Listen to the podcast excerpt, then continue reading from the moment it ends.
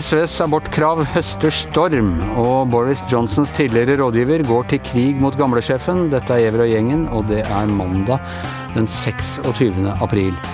Ja, uh, Hanne Skartvedt, politisk redaktør i VG. Uh, SV har vært et parti det har vært relativt stille om uh, ganske lenge. Må si at de har fått ganske god uttelling for landsmøtet sitt denne helgen. Ja, det kan man trygt si. For å starte litt sånn positivt. ja, det kan man trygt si. Det ble mange overskrifter av SVs eh, vedtak i abortsaken. Ja, og et, eh, må si SV med en slags eh, fornyet selvtillit. På, på, en rekke ting.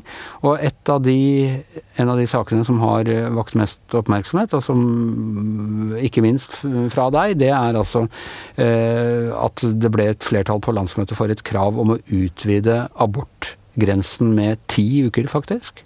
Altså den, ikke abortgrensen, men grensen for hvor lenge det er eh, kvinnen som skal, eh, som skal avgjøre. Økt fra tolv eh, nå til 22 hvis SV får viljen sin. Hvorfor reagerer du så sterkt på det? Eh, det er mange grunner til det. For det første så rokker det ved den abortloven vi har hatt, som jeg mener har vært en av verdens beste abortlover. Som nettopp graderer kvinnens selvbestemmelse er maksimal i begynnelsen av svangerskapet. Første tolv ukene kan hun bestemme selv, og så blir det gradvis større og større vern for fosteret. Det er et kompromiss, et en pragmatisk løsning på to nesten uforenlige, eller ikke bare nesten, men uforenlige hensyn, nemlig kvinnens selvbestemmelse på den ene siden, vern om fosteret på den andre siden. Dette har det vært enighet og fred om i alle de år, nesten altså fra 70-tallet av. Eh, abortmotstandere har sett at det er ikke noe alternativ. Aborttilhengere har vært fornøyd med loven. Og for kvinnene tror jeg det at det har vært en så bred enighet er veldig viktig i et så sårbart og vanskelig spørsmål. Og så kaster altså SV fullstendig om på det og innfører selvbestemt abort. Ja, de innfører det ikke, men de Nei, vedtar å foreslå det. Mm. Og det, eh, jeg bare kjenner at det er eh, rett og slett eh, Jeg forstår ikke at det er mulig. Nei. Og da er det altså fordi du mener at eh, Og dette, du var jo veldig kritisk eh, da, da Kristelig Folkeparti gikk inn i regjering og Erna Solberg lok, lokket med at man skulle se om man kunne gjøre abortloven mer restriktiv.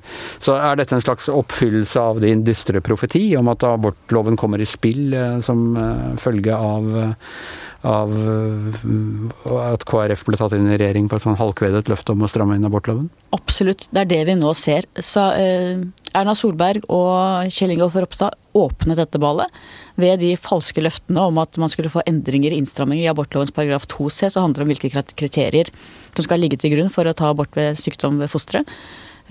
Og da, men du kan si det er ikke de som bærer ansvaret alene. For som man sier i barnehagen når barn krangler, ok, han begynte, jo, men du fortsatte. Og her var det altså de to. Uh, Nei, nå strenge Solberg, Hanne kjenner på dere begge. Jo, Solberg og Ropstad åpna dette ballet, men den andre sida fortsatte ved å sette hele abortloven i spill og begynne å komme med overby hverandre. Arbeiderpartiet vedtok selvbestemt abort inntil 18, uke 18 forrige helg, nå var det SV som vedtok eh, uke 22. Det er plutselig blitt sånn at eh, jo mer kvinnevennlig eller jo mer likestillingsmessig eller jo mer feminist du er, så jo flere uker. Det er ganske uverdig det vi ser nå. Men eh, ville det, om dette ble gjennomført, ville det hatt noen praktisk betydning? Jeg vil gå ut fra at det er veldig få eh, som ønsker å ta abort eh, så sent. Om det nå eh, Når det skjer, så er det da altså gått gjennom en nemnd, men tror du antallet ville forandre seg eh, nevneverdig om det ble kvinnen som tok den avgjørelsen, og at det ikke gikk gjennom denne nemnden? Det er for tidlig å si, men det er klart, jeg tror ikke det er ikke mange som ønsker å ta abort. Altså De som ønsker å ta abort, vil av mange grunner ta det så tidlig som mulig i svangerskapet. Jeg tror ikke vi vil få en eksplosjon i senaborter i Norge dersom dette skulle bli vedtatt. Men det er klart at for det første symbol virkning av det. Også det faktiske at vi som samfunn ikke lenger skal ha en norm for når et foster skal være vernet, eller vi på en måte gir helt slipp på det og sier at nei, 22 uker, vi vet jo alle at det er veldig veldig sent at det er faktisk eh, fostre som kan eh, være levedyktige på det tidspunkt. Det at vi som samfunn fjerner det vernet for fosteret du har hatt da etter uke 12, og særlig etter uke 18, det i seg selv mener jeg er veldig alvorlig, og det kan åpne for en Eller ikke bare kan åpne, vi ser vi står nå i den abortdebatten som vi har unngått så langt med hva skal si, amerikanske tilstander. Nå er plutselig Facebook-feeden og legger folk ut igjen bilder av fosteret, hvor langt de er kommet. altså Det blir beinhardt. og at, at, dette egentlig er skapt av en stemningsbølge, tror jeg, på begge sider, hvor man ser at det her ligger det politikk. Å sette så vanskelig følsomme spørsmål i spill fordi noen kan vinne politisk på det, det syns jeg er uverdig og sier dårlige ting om norsk politikk akkurat nå. Men hvis øh, resultatet, altså antall aborter, omtrent vil være det samme, ligger ikke da symbolikken i også hvem som faktisk tar, øh, tar avgjørelsen? At det er kvinnen, øh, kroppen, som avgjør, istedenfor øh, noen utenfor henne? Jeg kunne, altså jeg kunne forstått det hvis man da fryktet en bølge av, av senaborter, men hvis man ikke gjør det, er ikke, er ikke dette da et individuelt etisk spørsmål og, og, ikke det offentliges uh, anliggende? Eh, for det første så vet man ikke hvordan det går, men for det andre hvis du følger din tankegang helt ut, så kan man si at da kan egentlig kvinnen ta eh, abort helt til svangerskapets slutt. da. Fordi at da, da, da, er du på en måte på den linja at det er kvinnens kropp helt til barnet er født. Mens, mens det man jo har sagt Det må jo være medisinsk, altså hun må jo ha med seg medisinere som da Jo, men da sier man jo at det er kvinnens kropp helt til forløsning, egentlig da. For det som har vært eh, nettopp kompromiss i abortloven vi har, er at du sier at fosteret også har et vern som et liv som da sant, på et tidspunkt eh, så det, blir det sterkere og sterkere. men abortloven er nettopp et kompromiss mellom kvinnens selvbestemmelse på den ene siden og erkjennelsen at det faktisk er et liv på den andre siden. Du ville ikke sagt, Hvis man f.eks. drepte en kvinne som var 39 uker på vei, så ville du sagt at der gikk det to liv. Så spørsmålet er hvor du skal sette den grensen, og det er der nå SV har rokket veldig ved det.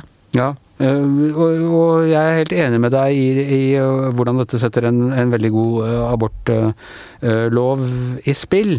Samtidig så, så, tenker jeg at det er, dette er også en, en, krig om symboler hvis det er sånn at man ikke tror at det fører til økte aborttall. Og jeg, og jeg vil tro at vi, det vil være veldig få kvinner som ønsker å ta abort så sent i svangerskapet. Da er det jo helt spesielle grunner til det.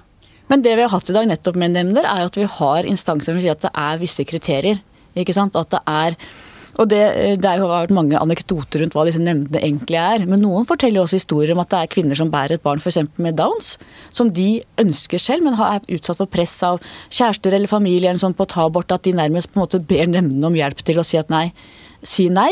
Du har folk som er, Det er en veldig sårbar situasjon når du er gravid og, og, bærer et barn som du har fått beskjed om at det er noe galt med. For mange fungerer de nemndene som gode rådgivere. Omtrent alle får, får eh, gjennomslag for sitt ønske i disse nemndene i dag. Og det er samfunns måte å nettopp regulere og si at her dette handler også om menneskeverd. Her går grensene for samfunnet. Men det er unntakene som gjør at du kan få abort så sent i svangerskapet som det loven nå gir åpning for i denne tretrinnsmodellen med 12 uker, 18 uker eh, osv.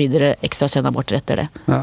For å da prate mer om, om nettopp da det symbolikken i det og hva det gjør. Dette må jo være SVs virkelige gave til Kristelig Folkeparti, som har ligget der nå og duppet rundt øh, øh, True med å bli mindre enn sin egen feilmargin. Som, øh, og, og, som nå kan virkelig gå til abortkrig, øh, denne valgkampen. Tror du de vil gjøre det?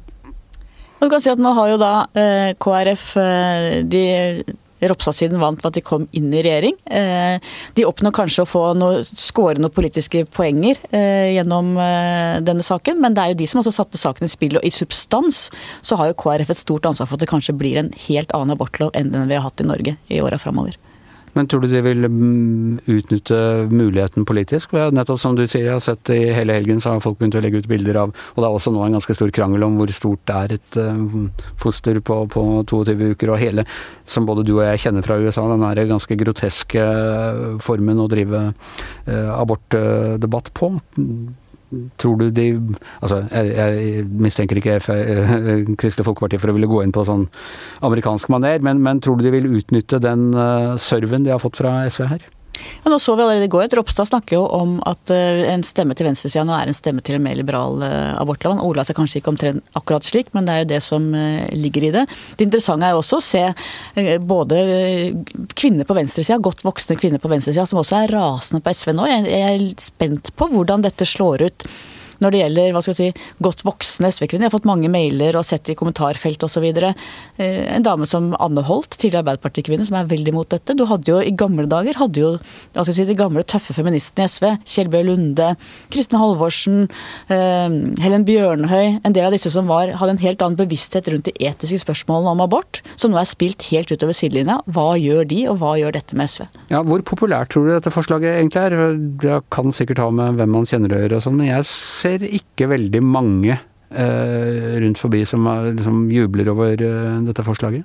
Ja, og Det jeg syns er interessant, er at dette har jo blitt en veldig sånn symbolmetta eh, debatt. Men det er så lenge siden vi liksom altså Abortloven ble jo vedtatt på 70-tallet. Så jeg tror det er veldig få som har sånne visuelle bilder av hva det handler om, som egentlig kjenner de medisinske inngrepene, hva det innebærer, på hvilket tidspunkt i Altså Plutselig så blir jo hele abortdebatten og hele abortprosessen mye mer materiell, mye mer konkret. Eh, så jeg tror at at du kan få skillelinjer. altså F.eks. type at eh, Anne Holt og andre vil melde seg i debatten på en annen måte. Vi har hatt borgerfred om dette temaet så lenge, og det er nå slutt. Det blir, eh, blir en utfordring for, for denne valgkampen å, holde den debatten innenfor si, verdige rammer. En annen eh, kamp som kommer til å bli skitten, men som det er lov til å more seg mer over, må vi nesten få lov til å si, eh, Yngve Kvistad. Eh, Dels fordi det er utenlands, og dels fordi det er mer klassisk politisk skittenvask av nærmest shakespearsk dimensjoner. Du er jo også både, både eh, vår mann på, på, engelske forhold og på gammel teateranmelder. Forholdet mellom Boris Johnson og hans tidligere rådgiver Cummings, det er, er det noe sånn Otello-Jago-aktig, for å starte litt uh, høyvelbårent? Ja, det har jo både Otello og Jago-dimensjoner, men det er jo også det, det er jo Hamlet her, og det er, det er Julius Cæsar, og det er For ikke å si uh, uh, Macbeth. Så det er mange paralleller å dra til, til det. altså Når det gjelder svikefulle personer og det å ha næret en slange ved sitt bryst. Ingen tvil om det. Slangen her er da Cummings. Det er mannen som uh, mange har gitt æren eller ansvaret for at uh, for brexit. Uh, han som Det fins en fantastisk Netflix, er det vel, film dramafilm om han, om hvordan han kom opp med slagordet 'take back control'. Hvordan dette i hvert fall vi skal tro denne filmen, snudde eh, det engelske flertallet og gjorde, gjorde, at eh, England eh, meldte seg ut av EU. Men, og han var altså, har vært en av kingmakerne for, for, Boris Johnson. Hva er det som har skåret seg mellom dem? Det er jo flere ting. altså Denne suppa som nå tømmes ut for offentligheten, og som lukter spy og gift, består egentlig av flere, flere ting. Eh, det som nå utløste hele, det var eh, telefoner som har gått ifra Downing Street til en del eh, håndplukkede redaktører om at alle lekkasjene som har ødelagt en del ting i, i, britiske for, ødelagt for regjeringa siste tida, har kommet fra, fra Dominic Cummings. Altså han ble rett og slett oppgitt som den rotta som har har eh, snakka. Det er Boris Johnson som eh, på en måte tyster på sin egen rådgiver som eh, Eller utpeker sin egen rådgiver som lekkasjemakeren? Ja. Uh, og så er det jo da en del som ikke har fått den der telefonen fra Downing Street. Uh, en del politiske redaktører som uh, mener at det her altså det, er en, uh, det er informasjon som kommer på, fra så høyt politisk hold at det er sannsynlig, sies det, at det er Boris Johnson sjøl som har ringt rundt til en del kjenninger i pressen for å, for å fortelle dette. her. Og så har jo da Dominic Cummings svart som forventa. Han har jo en, eh, et giftbeger av en blogg som han av og til bruker til å spre eder og galle utover kongeriket. Og til å ikke minst eh, skremme politikere og, og byråkrati. Og der eh, kommer han altså med en rant på 1000 ord som ja, ikke bare imøtegår eh, Boris Johnson, men som tildeler han eh, karakteristikker eh, både når det gjelder hans integritet og kompetanse, som er altså Hadde det kommet fra hvilket som helst annet, så ville det sikkert blitt ramma av injurielovgivningen. Men i tilfellet her så, så, så, gjør det nok neppe det. Men altså han, han beskylder jo Boris for embetsforsømmelse og maktmisbruk. Han sier at Boris Johnson har aktivt hindra en uh, granskning av disse lekkasjene tidligere, fordi at han mener å kunne bevise at de stammer fra en nær venn til Boris Johnsons forlovede Carrie Simmons, og at Boris Johnson da har aktivt hindra gransking for for å finne ut av det. Eh, så hevder han at Boris Johnson har drevet med snusk i forbindelse med oppussinga av, eh, av statsministerboligen i nummer 10 Downing Street. At det er, har kommet penger fra en hemmelig Ikke en hemmelig, men en, en styrtrik Tory-donorgiver, som har gitt mye penger til Tory-partiet tidligere. Og at han skal ha angivelig prøvd å overtale han til å betale for den oppussinga som er litt utafor budsjett. For hele Downing Street ble jo pussa opp da Teresa May bodde der.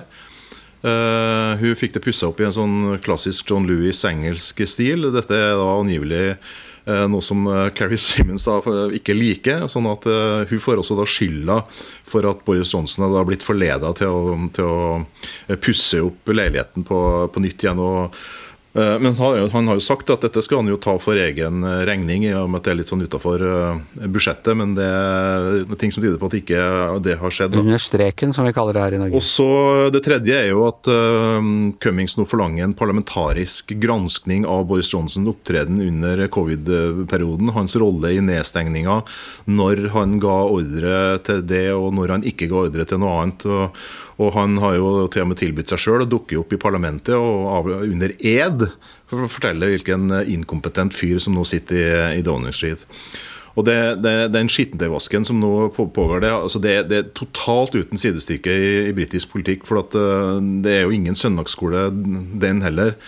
Men det har aldri vært så giftig som nå. Og, og så er det jo det at, at uh, Cummings han kan, jo, han kan jo angivelig Eh, bekrefte og dokumentere mye av dette. her, fordi at han eh, er jo, For det første så er han jo kjent som en hevngjerrig liten jævel, det er han også. men han har også gått, alltid vært, ble alltid observert med en sånn liten bok hvor han noterte ting hele tida. Svarteboka? Uh, han har sittet på regjeringskonferanser, notert. Uh, han vet om alle planer som ikke er blitt noe av. Han vet om alt som er sagt enten det er sagt i spøk eller i alvor, notert det ned. Han har tatt opp telefonsamtaler. Nå truer han jo med uh, å offentliggjøre samtlige e-poster og tekstmeldinger som har gått mellom han og, og statsministeren. Og det er klart det er, Dette er veldig veldig alvorlig for, eh, for Boris Johnson og for hans da, indre krets i, i regjeringa. Hvor nære har de to vært tidligere? De vært veldig nære. Altså, Boris Johnson kan jo takke Dominic Cummings for uh, punkt én, at han vant uh, brexit-slaget, og da som en følge av det ble britisk statsminister. Han tok en helt inn i varmen, tok en inn som sin spesialrådgiver og sjefstrateg i Downing Street, til tross fra advarsler fra alle rundt den. Det kom fra sir Kenneth Clark, kom, som da var leder i Underhuset, det kom fra uh, andre i regjeringa, og ikke ikke ta en Dominic Cummings, for at eh, du vet aldri hva han gjør. Han har felt én torgleder før, nemlig Ian Duncan Smith, på akkurat samme vis. Uh, men, men, Boris Johnson han hadde så tiltro til han, og han, uh, pluss at han også han, han frykta nok litt hva han allerede visste om, om, om, Boris Johnson. Så det her er nok en blanding av både det ene og det andre. Men hva, hva kan Cummings oppnå annet enn ren hevn? Er det noe annet eh, Er det sånn at hvis han blir kvitt Boris Johnson, så er han tilbake i varmen, eller? Eh? Nei, Nei dette, dette, er et rent hevnprosjekt. Han er en veldig sånn retthaversk eh, fyr. da. Fordi at det er flere aviser og også konservative kommentatorer som mener at det er, det er nesten umulig at Dominic Cummings kan være kilden til alle de opplysningene alle de lekkasjene som har vært. fordi at En del av dem er også fra hans tid etter at han ikke var i, i, i Downing Street. Ehm, så det som nok har trigga dette her, det er jo at han sjøl antageligvis da, føler seg feilaktig stempla som, eh, som rotta som tysta her. Uh, og han sparer da ikke på kruttet for å, å slå tilbake.